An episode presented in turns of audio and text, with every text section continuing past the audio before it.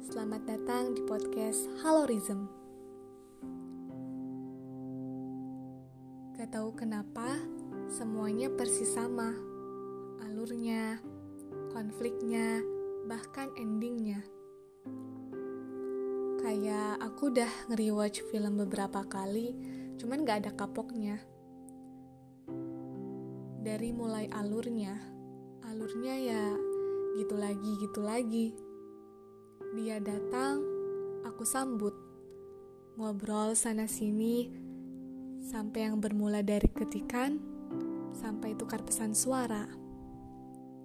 Nemuin hobi yang sama, topik yang sama, tapi akhirnya gak bisa sama-sama.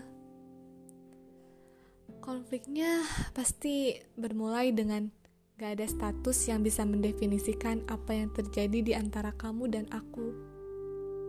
Sampai suatu pertanyaan yang harusnya tidak ditanyakan terdengar dari mulut salah satu di antara kita.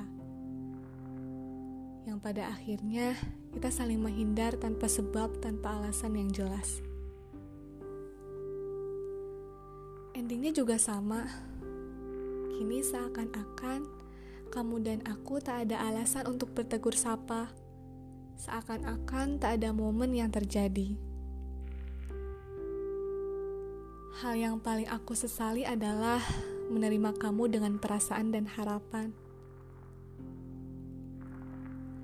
Untuk kesekian kali aku merasa aku penyebab dari segalanya. Penyebab dari dua aktor yang gagal mempermainkan perannya.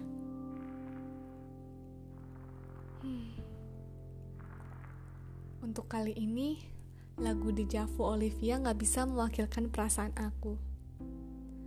Karena terjebak dalam ketidakjelasan, semuanya tidak bisa ditanyakan, apalagi didefinisikan. Gak apa-apa. Masih ada waktu buat memperbaiki semuanya. Nyiptain ending yang kamu dan aku bahagia di dalamnya.